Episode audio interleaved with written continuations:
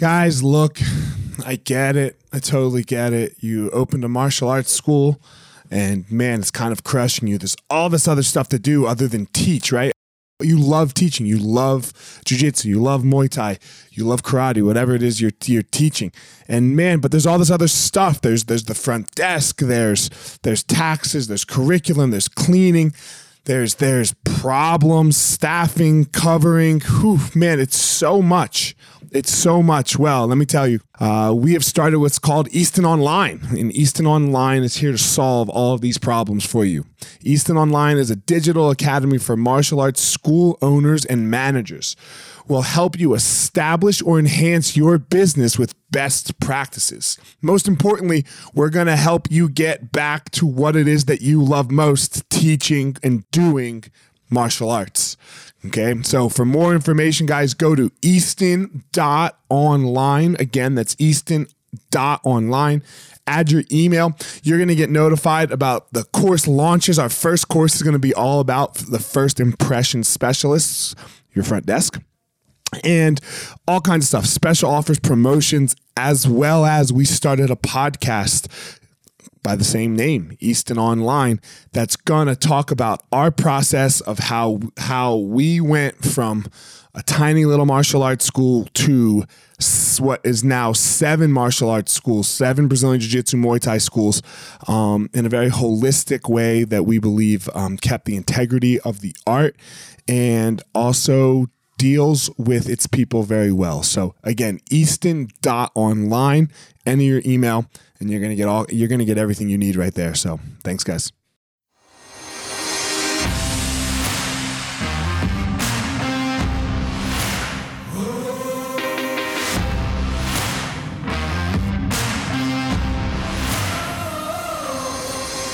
What's up, my ninjas? This is former UFC fighter Eliot Marshall, and this is the Gospel of Fire, where we are going to learn how to go into the fire so that we can find our power and live the best life possible.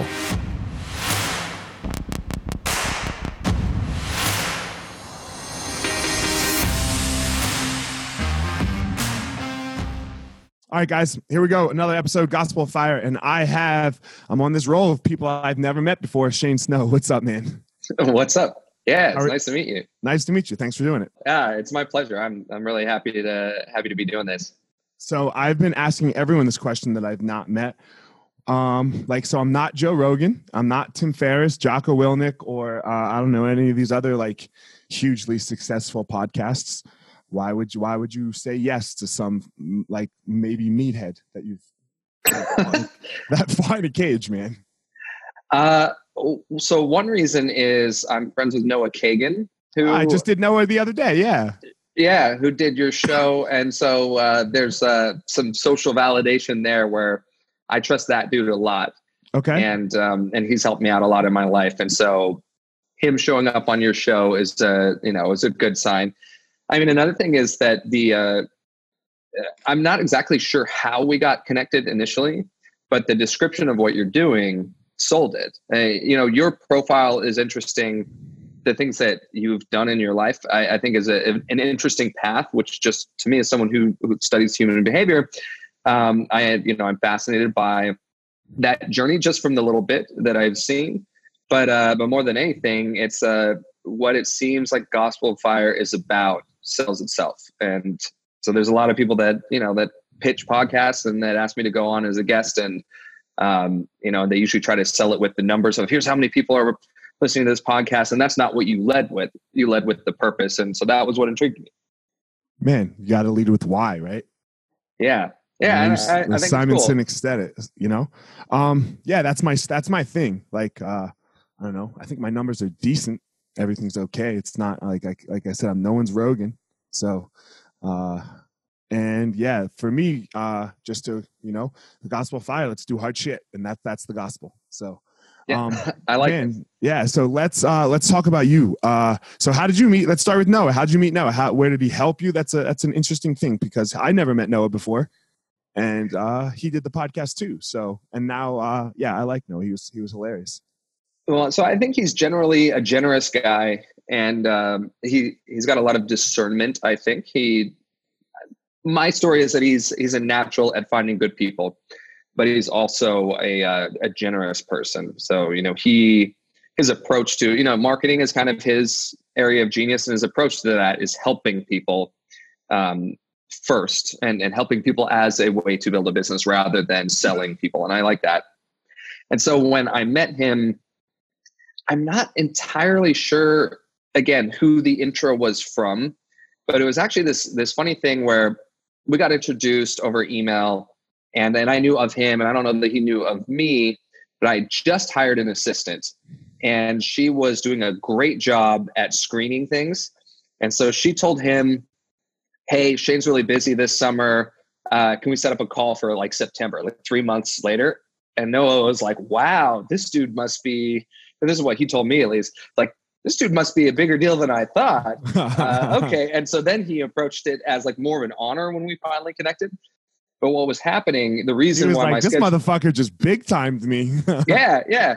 And uh, but what was happening is I just hired an assistant, and then like a week after I'd hired her, actually she was more of an apprentice to help me with a, a big book launch that I was doing. And a week after that, uh, I sat down with her to tell her what I wasn't about to tell anyone else for several weeks, which is that uh, my wife had just asked me for a divorce. And I was about to be going through some stuff that was going to have to put all of these projects on pause. And we're going to have to figure out how to do the book launch in the middle of, you know, me moving and getting rid of my stuff and being terribly depressed and alcoholism and the, you know the kind of the, the bad choices that flowed from also the inevitable circumstances of some big life change like that and uh, and i was also in this place where i was not ready to talk to a lot of people about it so i told my assistants and like not even my business partners not even my family for a little while and so when she pushed noah off it was actually because of that so by the time i met with him i had gotten to not a great place but a slightly better place but i was clearly someone who was hurting and who was in need of a friend. And so when we met, presumably for kind of business reasons, it actually turned into just a conversation of two human beings and him supporting me. You know, I opened up to him uh, in a way that I hadn't done to very many people at the time about how it was, you know, people expect you to get over something after three months and it's not that easy. And, uh, you know, and how I was self sabotaging. And he was so kind. And, uh, you know, I don't think he'd been through the same thing, but you know, he'd been through similar kinds of you know things, and uh, and so that was the foot that we got started on, and from there we've been friends, and it's one of those friendships where if we go four months, six months without talking, when we do talk, it's like you pick right back up. You don't have to apologize, like, oh man, we should do this more often. It's like we're uh, we we have a bond that's really meaningful, and so then over the years we have worked on things together. But uh, but yeah, that's that's how I know Noah.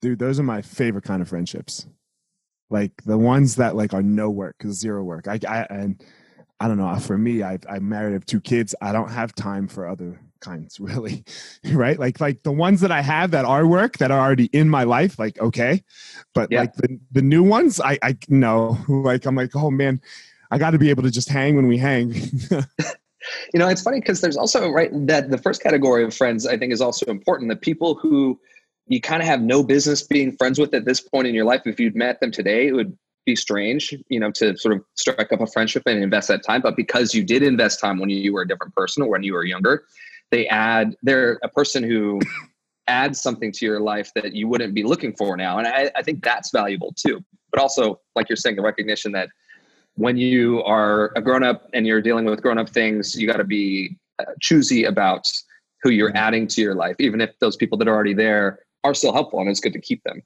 Yeah, man, you know, some friends like you know, I got a couple friends that like uh I like kind of what you were saying like I, if I met them now, I don't know if I'd be friends with them. But if I called and said we needed I needed to bury a body, they wouldn't ask. they, they wouldn't be asking where, who, well, why. They would they would just be like showing up at my door and like burying this body with me. And for me, yeah. that's the most valuable type of friend. Like, so yeah. I, I'm, I'm willing to put that work in all the time with for a friend yeah. like that. And there's a difference between a toxic person that you do need to cut out of your life and a person that just is living a different life than you. I have a, a friend that comes to mind who can be a handful, you could say, but he and but when when you I talk to him about things that I I want ideas for or I'm working on or whatever, he's so far in the left field that just considering what he has to say actually gets me thinking in a direction that I wouldn't normally think, and that's yeah. awesome. And he's not toxic, even though he's a handful. Um, but uh, but because he's a handful, I wouldn't have you know chosen him now, and yet he does make me better. And and he would he would drive down you know from New England to to help me out if I was in uh, you know in a crutch. So yeah, I appreciate I, that. My business partner's like that. Like he's he's for he's full on like uh entrepreneur, not even entrepreneur, like founder type, like in his mind, right? Like he's over here, like just you're like like he's it, you know sometimes you're like bro come on just get on the same page with us. But but when he when he brings in those gold nuggets you're like oh fuck yeah. And and he's and we've done everything like everything as like I've known him since I was 19 he like started as my teacher. So every single thing in my adult life is because of him so it's like one of those things I love him I love him if I heard anybody else talk like this about him I would fucking kill that person right? Like like there's like three people that I'm ever allowed that I allow to be like yo yeah you can like kind of complain about him but everyone else in his life you can go fuck yourself. Shut up. You know? Like, that's that's great. There's uh you know I, I don't know if, if, this is too much of a tangent yeah, no, that we're going okay. down but i really appreciate having people in my life who can push back on me and disagree with me and give me shit in a way that's uh, that i don't take it personal because they're trying to help me and uh you know, and I'll, I'll, defend those kinds of people. Sometimes it's hard. I mean, I, I, think sometimes we only try to collect people who agree with us and who make our lives easier but sometimes those people that make it make you think harder are some of the most valuable kinds of friends and the ones that if someone's like you know he's a really disagreeable person it's like fuck you you know he makes me better and that's why you know it, it is this disagreeableness though partnered with caring about you personally i think that makes a difference rather than you know just being a jerk I I agree. Sometimes though, with the people that I'm super close with, and I don't know, you tell me like uh, how you are or like what you've seen. Um, I, I have to be. We have to be a little more careful. If you have like a real short, direct line to my heart, like it, uh, you know, like it can't come so harsh necessarily. Yeah, that's true too. Where like if you if you're a step removed from me, it can come like it can come a little harsher. I don't like it's. uh I don't think you might like destroy my whole life. You know. Yeah, and some of that's personality too, right? Right. Recognizing your personality and the way your ego is different than someone else's ego, how they might receive or you might receive something differently. And you know, I think that might be an area where you and I might might differ a little bit. Where uh, someone who's a little further removed, I think, would hurt me more because you don't know me. But someone who's a little closer, I would take it uh, in a bit of a different way. Maybe not necessarily speaking in generalities, but I, I think that sure. diversity of ego among your friendships and, and relationships and understanding um, the different approaches that work, I think that itself is an interesting topic that we probably talk way too long about. But yeah, no, it's it's all good. Um, so you said you study behavior, right? Um, what what do you do? What what is that? T- explain a little bit. Yeah, so that's how I describe my. So I'm I'm a, a journalist and a writer is is sort of my sort of primary identity as uh, eh, professionally, and the way I've described what I write about now is uh, human behavior, what we're learning about how humans work, either from psychology or neuroscience, and uh, how we can change the way we think and live because of that. And I describe it that way now. Historically, I've described myself as a science and business journalist. And a lot of science, like the life sciences and you know and psychology, are really about how humans behave. And business is relationships and, and behavior. So it's all it's kind of a business. Exactly. I, I think a lot of what we can learn about the brain and about humans work together, how we don't work together, is so directly applicable to business that uh, that that's then kind of where a lot of my stuff has ended up. But lately in my career, I've zoomed out beyond just you know business writing. A lot of my writing has been magazine stuff around specifically business issues, and now I'm zooming out to you know if we're talking about team issues in a business. This psychology that underlies good and bad teams also applies to families and to communities and to humans generally. So, so that's how the human behavior angle works. And what's cool about it is I get to hobnob with people who are studying the brain and uh, and social relationships uh, in laboratories and in, in new research, and I, I, get kind of an inside track on what we're learning about ourselves. And my job is to translate that for for people. What are we learning? Uh, all sorts of things. There's there's an interesting thing that I just uh, published with uh, a, a, co-author of mine uh, yesterday. Actually, just came out. We worked with this neuroscience firm that they basically put it's really cool new technology called SST. Uh, it's it's like a brain helmet essentially. They put this brain helmet on you and measure brain activity, and and what they do is they most of what they do is what's called neuromarketing. It's like someone's making a Super Bowl commercial. They put this brain helmet on you, on a bunch of people, and they see what do people really think about this commercial. Because uh, mm-hmm. focus groups, you can say like, "Oh yeah, I love the commercial," but then your brain is totally bored. So we uh, we talked them into letting us uh, do a study with this technology of political candidates and how people you know, it's political ad season. There's a million political ads on. It's like I keep seeing these Bloomberg ones. Um, what do people actually uh, think in their brains? How are they responding emotionally? How are they are they remembering these? You know, are they reacting negatively? What are the messages that are working? So we we put a bunch of these brain helmets on people and had them watch a bunch of political ads stuffed into shows like Modern Family and NCIS stuff that's kind of you know less charged and um, and then we took a look at what the brains are saying that versus what the people are saying in the survey. And it speaks to some really interesting things around you know from a human behavior perspective perspective there's some really interesting nuggets. And this happened in the last presidential election too some studies of this ilk where people are saying i am for this person and here's why or no i definitely wouldn't vote for that person but then their brain is totally on board. So it's like they're suppressing they're not speaking honestly about uh, what they think and because of you know it's not socially acceptable or you know sort of this calculation of well this candidate won't win so i won't say it but this is what i'm most excited about. And um, so what uh, what there's a, a, bunch of interesting things that come out of these kinds of studies but one big one that i've been thinking about a lot is self-deception. The nature of how we uh, deceive ourselves. We convince ourselves that uh, you know that we think something or we don't think something because we want other people to think something about us. If that makes sense. Yeah, it makes total sense. I'm going to back up to the political thing for a second, though, if that's okay. Sure. Um, can you explain the Trump phenomenon? Like, have have you guys done research on that? Because so it, it baffles me. Yeah, I mean, there's there's a lot to it, and it's not just him. You know, there's there's a lot having to do with uh, kind of the lead up to someone like him. Yeah, um, for sure. But the, the the thing I can speak to a little bit is the uh, the dissonance between what the polls said and what actually happened. Right.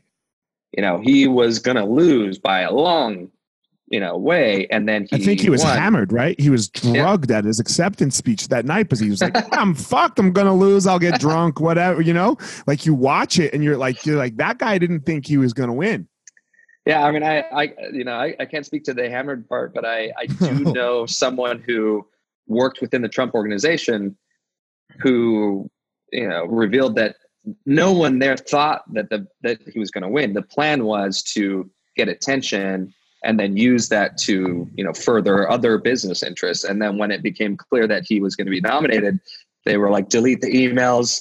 Uh, you know we're actually moving forward on this. But then they still didn't think they were going to win. It was like 89% chance that he was going to lose. Yeah the night of the day of right? Like the day of the election. Yeah. so anyway go ahead. I interrupted you a so, little bit but oh no no it's fine.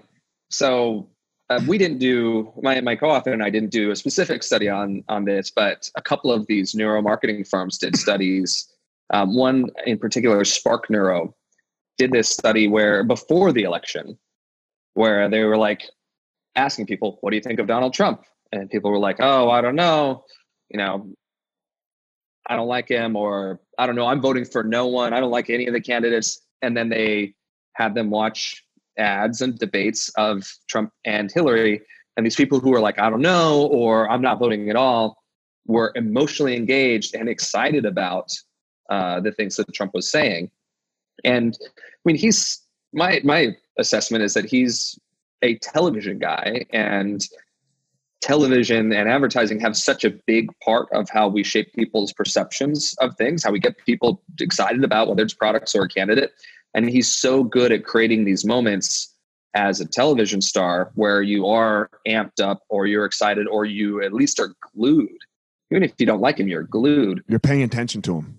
Yeah. And one of the things that happened on the other side, so the company that we worked with on this study, they're called um, uh, they're called sorry i'm i'm not immersion neuro they're called neuro insight uh, they did a study about hillary clinton's ads where they found something really interesting she had all these ads where she it's like she wanted people to feel warmly about her.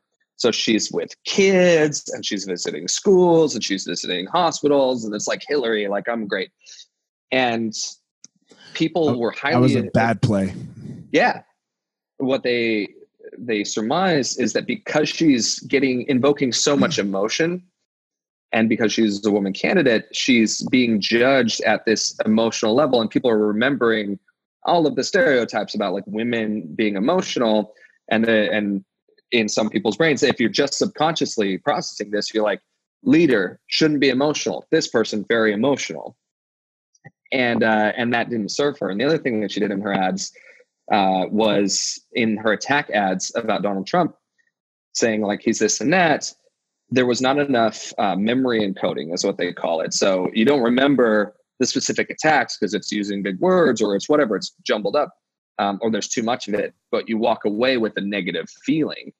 So you remember, I saw this Hillary ad and I felt bad afterwards, but you don't remember, oh, it was the part where you know Donald Trump was being called out that I felt bad about. So you're saying Hillary bad? in your head. exactly. Even if what she's saying is someone else bad. And this is one of the things in our study that we saw that uh, Elizabeth Warren, one of the things that may explain her surprising uh, success so far, despite initial projections that she wouldn't do very well, is that she does not elicit much emotion at all. In fact, hardly any.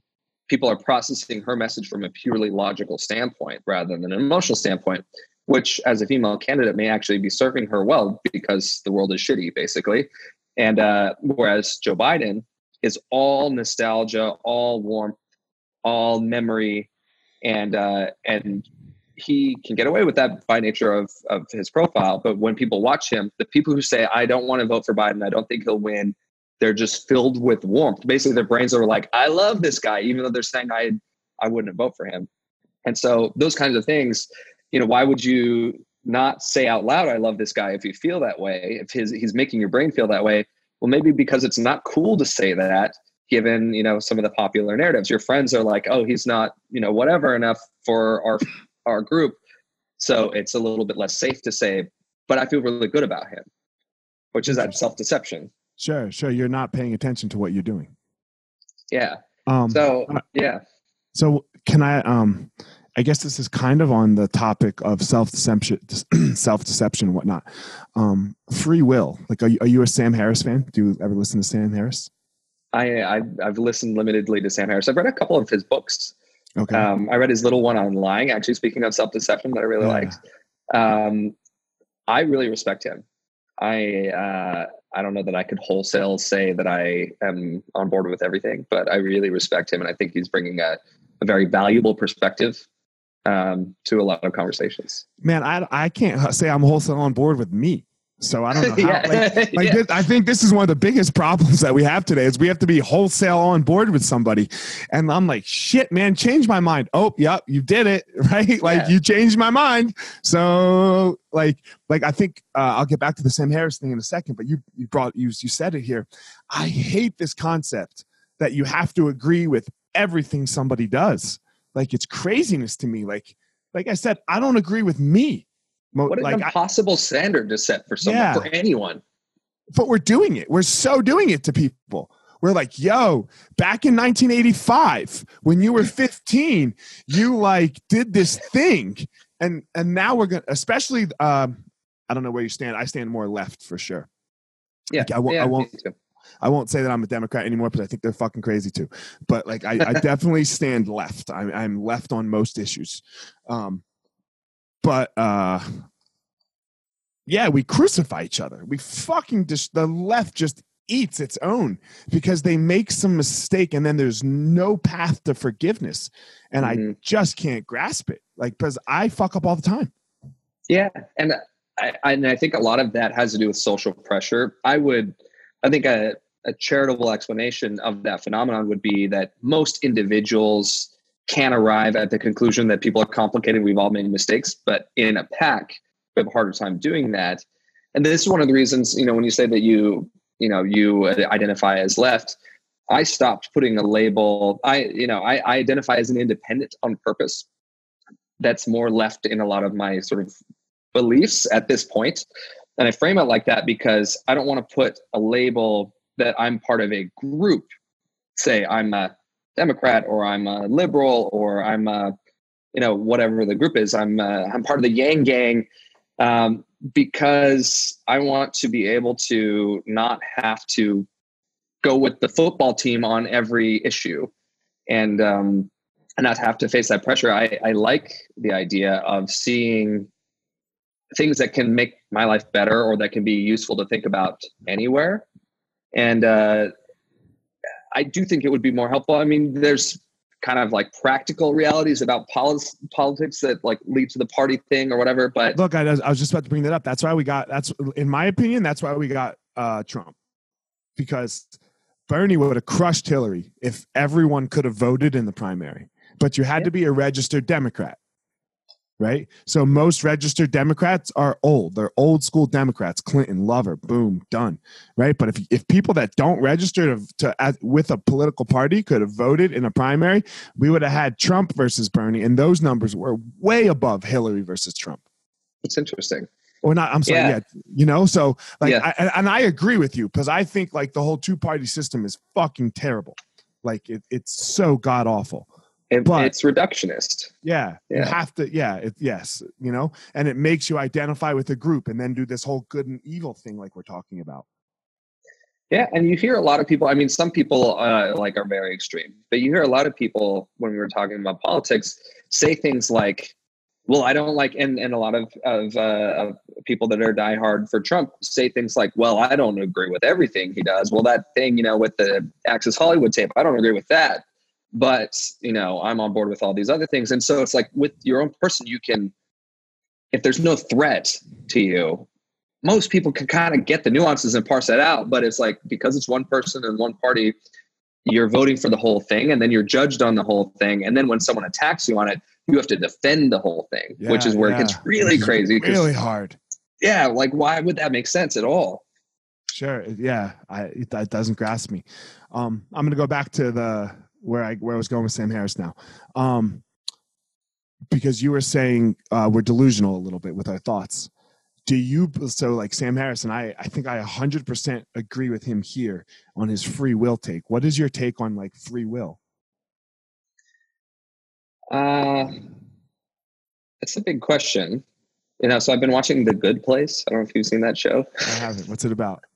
It's a uh, it's got Ted Danson and Kristen Bell, who are both wonderful actors. It's uh, basically she dies and she's supposed to go to heaven, or no, she's not supposed to go to heaven. She actually accidentally gets put there. Where Ted Danson is kind of like the curator of this perfect neighborhood, and so she's insecure that like she was supposed to go to hell basically, but she didn't. So that's what the show is about. Um, but there's a lot of philosophical uh, discussion in there. It's a comedy, but at in a recent episode I watched they basically get into this whole free will thing. Well, if my parents were this and I was raised this way and all these forces, you know, and my atoms and this and that and laws of the universe, did I really, am I really responsible for this choice that I made? Um, was it really a fair test that got me like not into heaven or whatever? So it, that's, it's funny that that's what comes to mind when you, yeah, no, that's exactly I, uh, my question. yeah. I'll say this. I haven't formed a strong opinion on it, but I'd like to believe that I'm in control and that I bear responsibility for my actions. I recognize that there are some things that are, lots of things that are outside of our control. A lot of success is about opportunity as much as it is hard work. Someone who works just as hard and is just as talented but grows up in the middle of nowhere by themselves cannot, you know, become a pro basketball player versus someone who has a chance. Um, by the way, RIP uh, Kobe. Speaking of that, um, so I think there are things that are are very obviously not in our control, and we should not be held responsible for. But I like living in a from the point of view with the assumption that I'm responsible for my feelings. I'm not responsible for what happens to me, but I'm responsible for how I react because that's the thing I'm working on now. So if that's not free will and that's just like all of the atoms and molecules and all the circumstances leading me to take that attitude, I guess that's okay. But I like to I like to believe that uh, that I'm in control so that I take responsibility. What do you think? I'm, uh, I'm curious. So I, am not, I'm not, uh, I, I don't know that I'm totally familiar with Sam Harris's, uh, the nuances of his argument. So I believe all that is true, but where I believe that we can, and the reason that I'm doing the podcast, the reason I started this whole journey is because uh, I believe that there's two things. There's uh, chemical makeup, which is all the things that you talked about, like all the things that are like out of our control. Our parents or this or that, our circumstances, yes.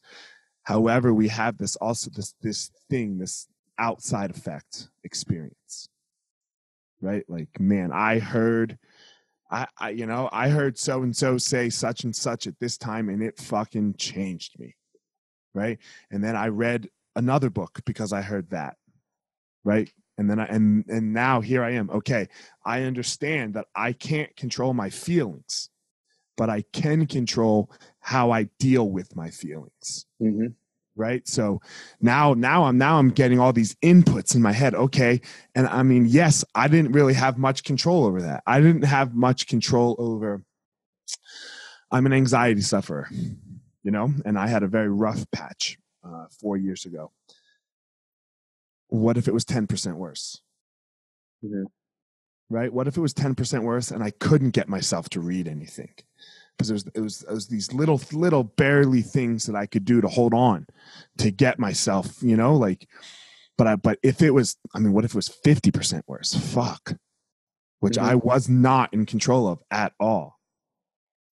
Like it was just bad enough. right? Yeah, you can't decouple the things that were outside of your control from right. what you did, is what you're saying. Right. Yeah, I can't I can't separate them.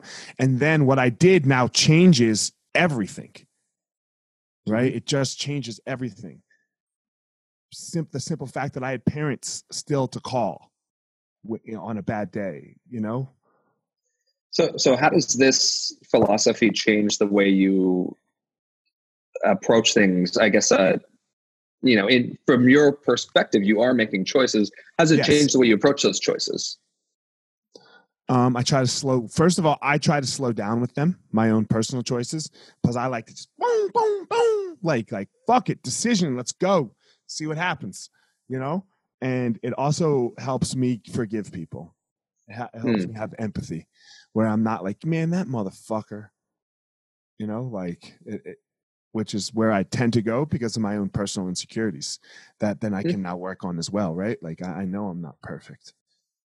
I mean, that's a lot of self awareness to, to even admit to an audience of people that you have personal insecurities. I, I think that's, I really admire that. Oh, thanks. It's my thing though, right? Because the fire, it's the way in. Yeah. Yeah. You know? I, I've been thinking about this idea that we're, we're not very charitable with people in modern society, especially people we don't know. And it's uncharitable, in my opinion, to not allow someone to be forgiven for something that they've done wrong.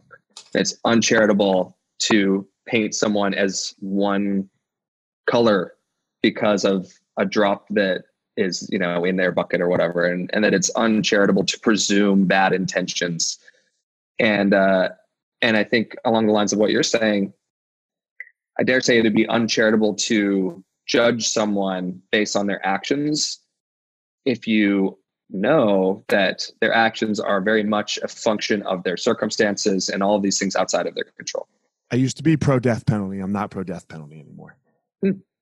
You know, I, would be pro the concept of the death penalty for like um, child rapists. Sure, mm-hmm. that's easy, right? Yeah. Uh, you know, you rape and murder a child. Okay, goodbye. Like I, I, but I, I could, but we we we would need so much evidence. I, like I don't know. Yeah, it would have to be un un in, undeniable. the know? path to redemption for that sort of thing is impossible. a lot less possible than right. the path to redemption for telling a rape joke, right. which is not a good thing, and it has consequences beyond just a bad joke. You know, people can be really affected by that. But the path to redemption for that is a, is a the, the standard is a lot lower and should be a lot lower than you know an actual horrible horrible crime like that. Right, I, I agree. Um, so it did that, and then man, like you were talking about forgiveness a second ago. I just yesterday I just did a podcast with a guy named Andre Norman, who's um, a black guy who like literally grew up in the streets, the the gangs, and like jail, turned his life around, went to fucking Harvard, and now uh, and now he he helps people, right? Like this is what he does. So he's got one, like two things he said yesterday were just amazing to me. One, he has Michael Brown. You know Michael Brown from Ferguson. Yes. Yeah. He has his dad on his team and his dad is the forgiveness leader because he's trying to learn how to forgive the cop Darren. I don't remember the I don't remember the last name. You know, killed his kid. Yeah. You know, so like, man, wow. if if That's like powerful. That must be powerful, right? If you're if you're going down that path, like, look, I don't care how you feel about whether the cop was uh, rightful in shooting or not rightful in shooting. You know, that doesn't matter. That's not even part of the issue here the dad is trying to forgive the guy, right, who killed his kid. It's like that's yeah. that's powerful, man. I mean, it, it makes me feel bad for not forgiving the person who cut in line at the airport. You know, everybody, because nobody killed my kid yet, right? Like I, yeah. I haven't had that. Yeah. Wow. Yeah, I uh, I did a thing uh, a little while ago where I the Gallup's most admired people list that comes out every year. It came out and I looked at it and I was like, you know, everyone on this list except for Malala has done something wrong and we've forgiven them for it. Like everyone, even the Pope, there's, you know, even the Pope has, you know, some controversy in, in his background. But it's like all of these people that we say we admire the most have had turnaround stories. And uh, I think maybe Oprah, even Oprah, she even Oprah in her early years, and that's part of what we love about her. She went through the fire, and uh, you know, you look at uh, you know uh, Christians. The the guy who's who half the New Testament was written by was the guy who used to persecute and jail and get Christians killed, and then became Paul the apostle. We They're, love these stories. We love them. We love them. We we love success stories. We love them, right? But what we love even more, in my opinion, is watching someone fall to the bottom and then come back up. Tiger yeah. Woods. Everyone knows where they fucking were when Tiger won the Masters last year. Yeah. Why yeah. was everyone rooting for that guy? It's a turnaround story. And and I think for me, part of me wants to have that same opportunity. You know, I know that I I'm not perfect. The ship's already sailed. I've been through things. I will go through things. I want the opportunity to be admired and to uh, to be successful through all of that and to learn from that famous people get more of a chance to redeem themselves in the public's eyes and this is you know speaking about the culture thing that's uh, that's so troubling these days if uh, if someone who's not famous does something and gets destroyed on twitter for it they are going to have a hard time ever living that down. Whereas someone who does have the chance to go back on tv to apologize to get back in the game and play show that they've changed they become this great success story and uh, you know and they get to talk about what it's like and inspire people. I so this Gallup's Gallup thing made me think about that that like i wish we could give each other more of a chance with regular life to uh to prove that we can we can turn things around and and make that bad thing we did a source of wisdom that we now have but it's sure. hard it's hard you, uh, you brought up kobe a second ago or a couple minutes ago mm-hmm. Are you a basketball fan? I'm I'm not a huge basketball fan. So it's why not, why would you bring up Kobe? Right? What it, what was it about Kobe? Because because I've been trying to think about this. Right? Like the whole world is shook. You know, and mm-hmm. I don't know when this pod it's probably, it's going to be a couple weeks after you know after mm-hmm. Kobe's death that people are going to listen to this, but it'll be a good experiment for people to think about. Why would you, somebody who is not into basketball, right? And my other friend who vox, and I am into basketball. I fucking love basketball, you know. And my other friend who's not into basketball, why would he voxer me and talk about Kobe when it's not it's not on your radar except it's Kobe? What what why? Yeah, so there's a few things. It's interesting. So I have a lot of people in my life that are very upset about this because they, you know, watched him. So I, uh, I'm, I'm married again now, and my wife grew up close to where he grew up. And uh, where'd she grow up? She grew up in uh, in L.A. Uh, in Long Beach, um, but she she moved around L.A. Uh, area, and uh, and so she, he grew up by me.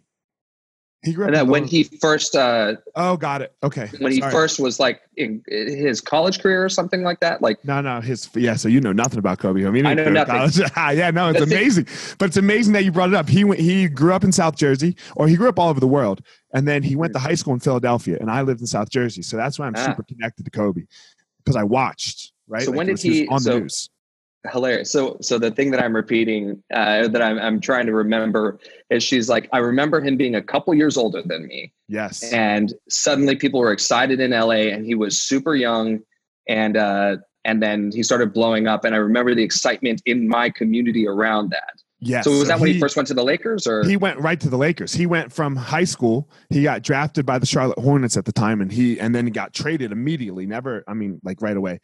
Uh to the Lakers. So he was LA. He was 18 years old in LA, rich as fuck.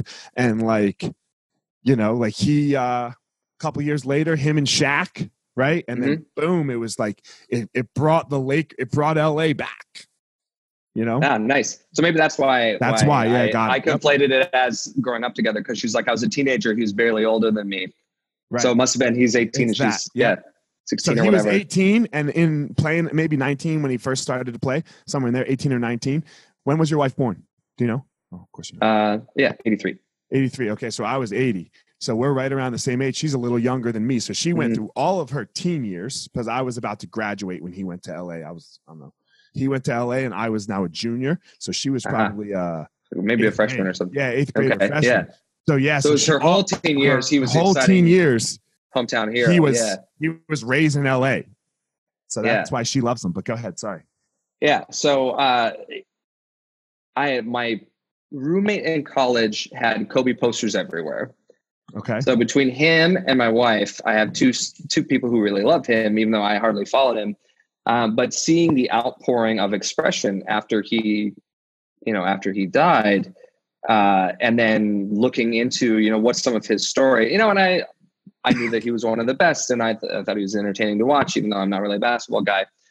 The thing that really has made me think about him, though, uh, despite you know hearing all these things, all the all the good that he's done, and and all that, is I saw literally in the last two days, I saw two videos that threw into light what kind of a person he must have been, and it has like helped me.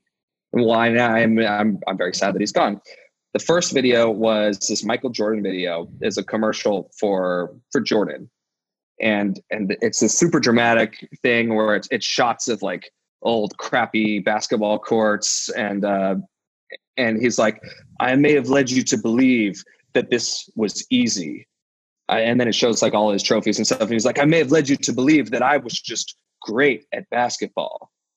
But what you need to know is all of the time that I put in all of the failures that I had, all of the work that I did so that I could basically, he's like, not only be the greatest basketball player of all time, but I wasn't born with it. I'm so great that I got there. And then it shows him like coaching some players and he's like, you guys need to work hard and get there.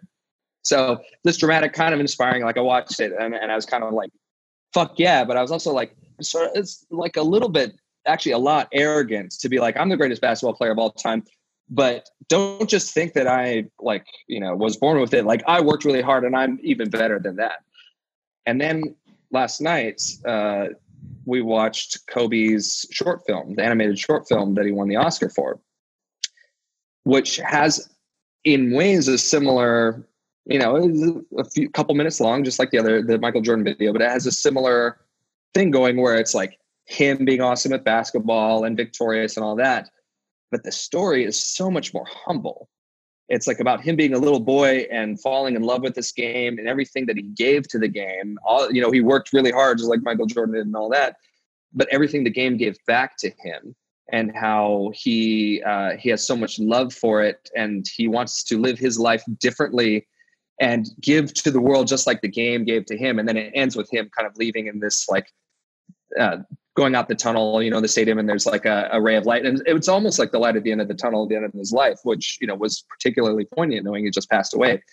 So thinking about those two approaches to success, two people who are immensely talented, were given opportunities, but did work incredibly hard, put everything in their life into this game, and one still seemed, at least in this video, seems like he wants to prove to you how great he is, and the other is showing gratitude and wanting to pay it forward. That I don't know how I would be if I was that successful and that amazing at something like they are, but I would. I feel inspired that the approach that Kobe laid out in that video is so wonderful and and made me feel something very different than the I'm the greatest. You need to try hard approach. I'm a uh, uh, so I'm a I'm a huge Michael Jordan fan. He's God to me. He can do no wrong. Um, like uh, I'm trying to think about. and he was the best. No, he it, is the it, best. He's the goat. He is the all-time goat of everything. No one that we have ever witnessed has been better at what they do than Michael Jordan was at basketball. Um, he talks about both. He is very arrogant. He's a total piece of shit, bro. Like Michael Jordan is a total piece of shit. Like I, there's no denying it. You can't deny it. But I think so. Kobe is the ultimate competitor, except mm-hmm. for MJ. Mm. And I think that that like that little bit, like that little like, I mean, maybe it's 0.01 percent. That might be the difference, but that mm-hmm. also is the huge difference in the people right? Like, like the humility factor, like the, yeah. like the human. Like Kobe was everything for his daughter. Like it's it's so sad with his daughter that died, right? Because yeah. like everything he was doing was for her now, for his kids. And um, like I know um, I'm going to get some hate because you know the whole Colorado incident in the in the late '90s. Um, yeah, go fuck yourselves. Um, well, it's it's also you know it, it never got clear enough to to be able to definitively make a call. Look, man, I actually don't know I very am, much about I am, the story. So I am all about the real shit. Like like Harvey Weinstein, piece of shit. Fucking yeah. Bill Cosby, piece of shit. Sounds like a lot of other people, piece of shit. Uh, Mike Tyson, who did get even go to jail for it. Uh, you don't go to celebrities' hotel rooms drunk hmm. at 2 a.m. or at all. You, you don't. Like, like is that the story? That's all the yeah. That's Kobe's and and and Mike Tyson's like, why why are you like? It's not like he fucking grabbed some chick out of a hallway and was like, "Yo, get in here." She's fucking hanging out in his goddamn hotel room, just the two of them. There's certainly room for nuance in that. There's room kind of for problems. Yeah, There's yeah. Room for me, huge problems. Yeah, to me, I'm not you know, I, I have so much distance. I'm not informed. However, I think there is a huge difference between a pattern and an incident. And I think that clearly if someone's hurt in an incident that merits, you know, uh, change and, uh, you know, and asking for forgiveness and reconciliation and, yeah. and trying. And from what little I know, that's at least what's at least required in the, with the, the Colorado thing with Kobe the rest of it I don't know other than that it it it never became conclusive. So I yeah, never be, it never became conclusive. And people that are going to hate on him, like God, I mean, first of all, it's twenty some years ago, but um, man, either way, even let, let's let's even say say the worst did happen, um, and someone who does the worst ought to be held accountable and responsible for that like we were talking about before, that does not mean that there weren't positive things that we could pluck out of it, even while condemning the thing that was bad. Even if you condemn the person, because uh, that's the stance you're going to take, it would be throwing the baby out with the bathwater to say yes. that this isn't someone who also added some positivity to the world before they died. Which is hard to say. Like, hard. it's really like I might get hate for saying that too, because it's really hard to say when it's personal. Um, yeah, sure. But, if it was uh, my daughter, I like I don't know what I'd be saying. Oh yeah, yeah, yeah, exactly. And, and I go ahead. Sorry. I have I've people in my life who've you know who've been assaulted and who've you know uh, in my family, and it, it's very personal and uh, and so I don't want to diminish that uh, at all by saying, yeah, that's uh, that I, outside of you know having a complex knowledge of that situation, recognize that there's a lot of good and a lot of humility towards the end of this man's life. A lot, a lot, you know, and maybe that incident made him better to do better for the world. I don't know, you know, and that that's a hard thing to to say to the the victim if she like if we're yeah i hope she's i, I hope she's okay. Like i wonder yeah. you know and on the other hand while we're having this conversation i wonder how she's doing. I don't know who she is but i wonder how she's doing with this. Right now um, that must be hard too. Yeah, that must I, be hard too that must be super hard right all of those feelings and, and everything coming back up now because yeah. and he's getting all this attention exactly all like, this love right yeah anyway i hope people who are watching this uh, take in that uh, that we're being, we're being thoughtful about. I I believe that your intentions are very good as you talk as you express your strong feelings on this, and uh, I hope that other people do too.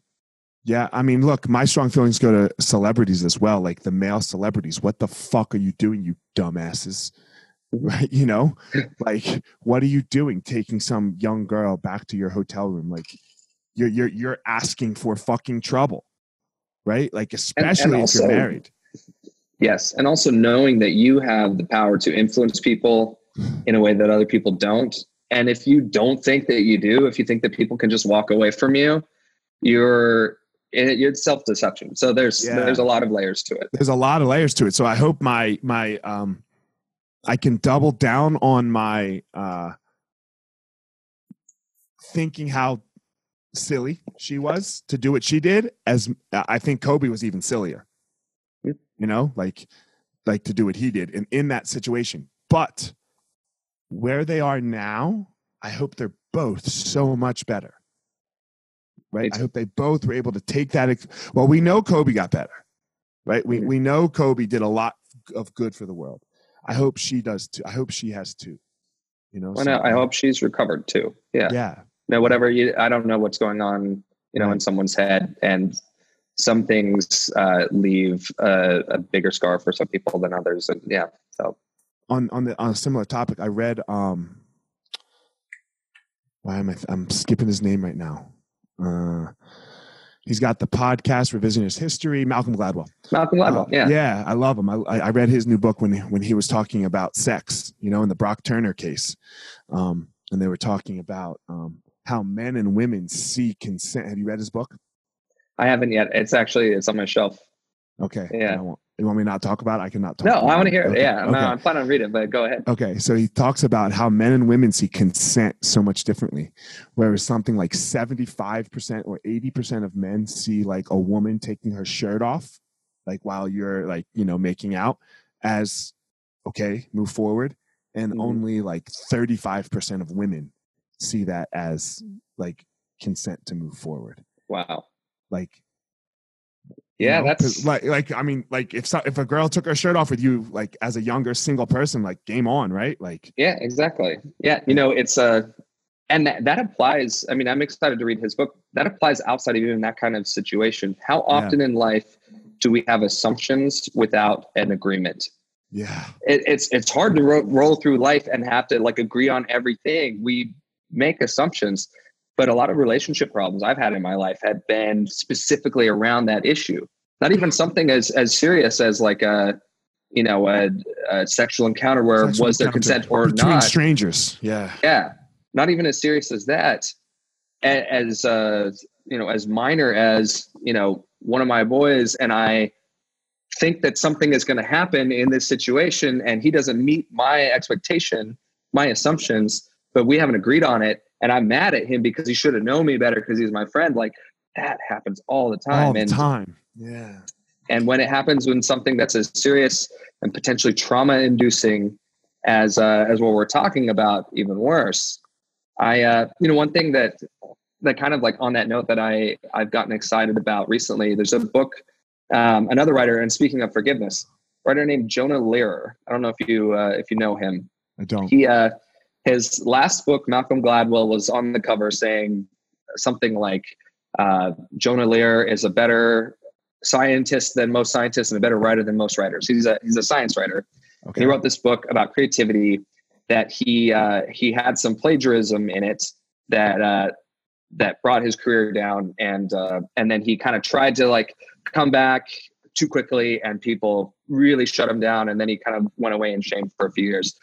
And uh, he, I'm convinced, learned his lesson, but hasn't had kind of public forgiveness opportunity. He did something that in my career, my profession is like the cardinal sin, you know, plagiarizing.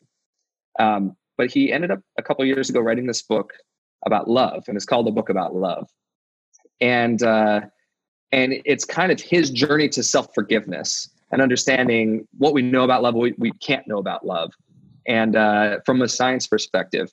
And he digs into kind of what he did wrong and and him learning to love himself again or live with himself. And uh, but he also talks in there about post traumatic stress versus post traumatic growth, and how and this comes back to what you were you were talking about with um, just being a product of our circumstances in many ways. Some people have trauma happen to them and they're traumatized and they're stressed by it and it ruins a large portion of their life. But statistically, the good news is, is that most people, when they have trauma happen to them, actually end up growing from it. Fewer of us end up being traumatized permanently. And those who do get traumatized can find growth out of it with help. You can't just do it on your own necessarily. But I think that message for whether you've been assaulted, whether you have to live with having assaulted someone, whether you've plagiarized something and had to live with it, whether you've made the kinds of mistakes that all of us make every day, we can be deeply affected by that. But all of us have the capacity to grow from it, and most of us can do it on our own, which gonna, it really warms my heart. I'm going to end this with a with a Michael Jordan quote. All right. based, based on that, you know, and I won't quote it perfectly. And his quote was, Man, I've lost over a thousand games in my career. I've been trusted to take the, the, the game's final shot 50 times and missed. I have failed over and over and over again in my life, and that is why I succeed It comes full circle. I love it. Comes full circle. Yeah, man. Yeah. Like you have to take you have to take that that that trauma, you know. Yeah. So.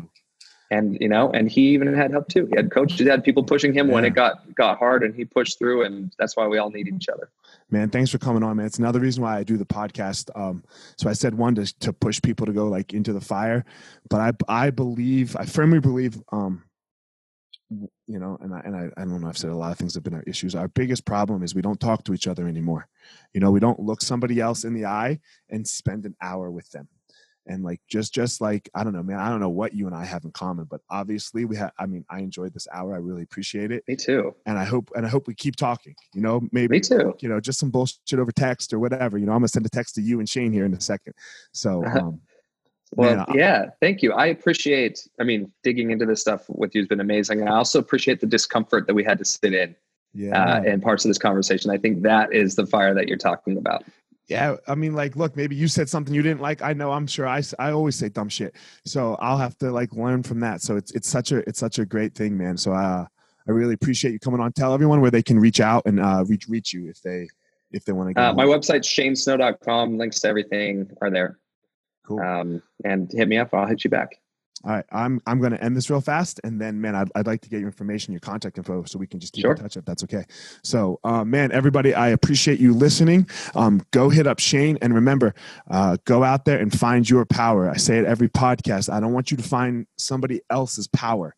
You all have an amazing power inside of you. I don't know what it is, and maybe you don't either. But go out there and find your power.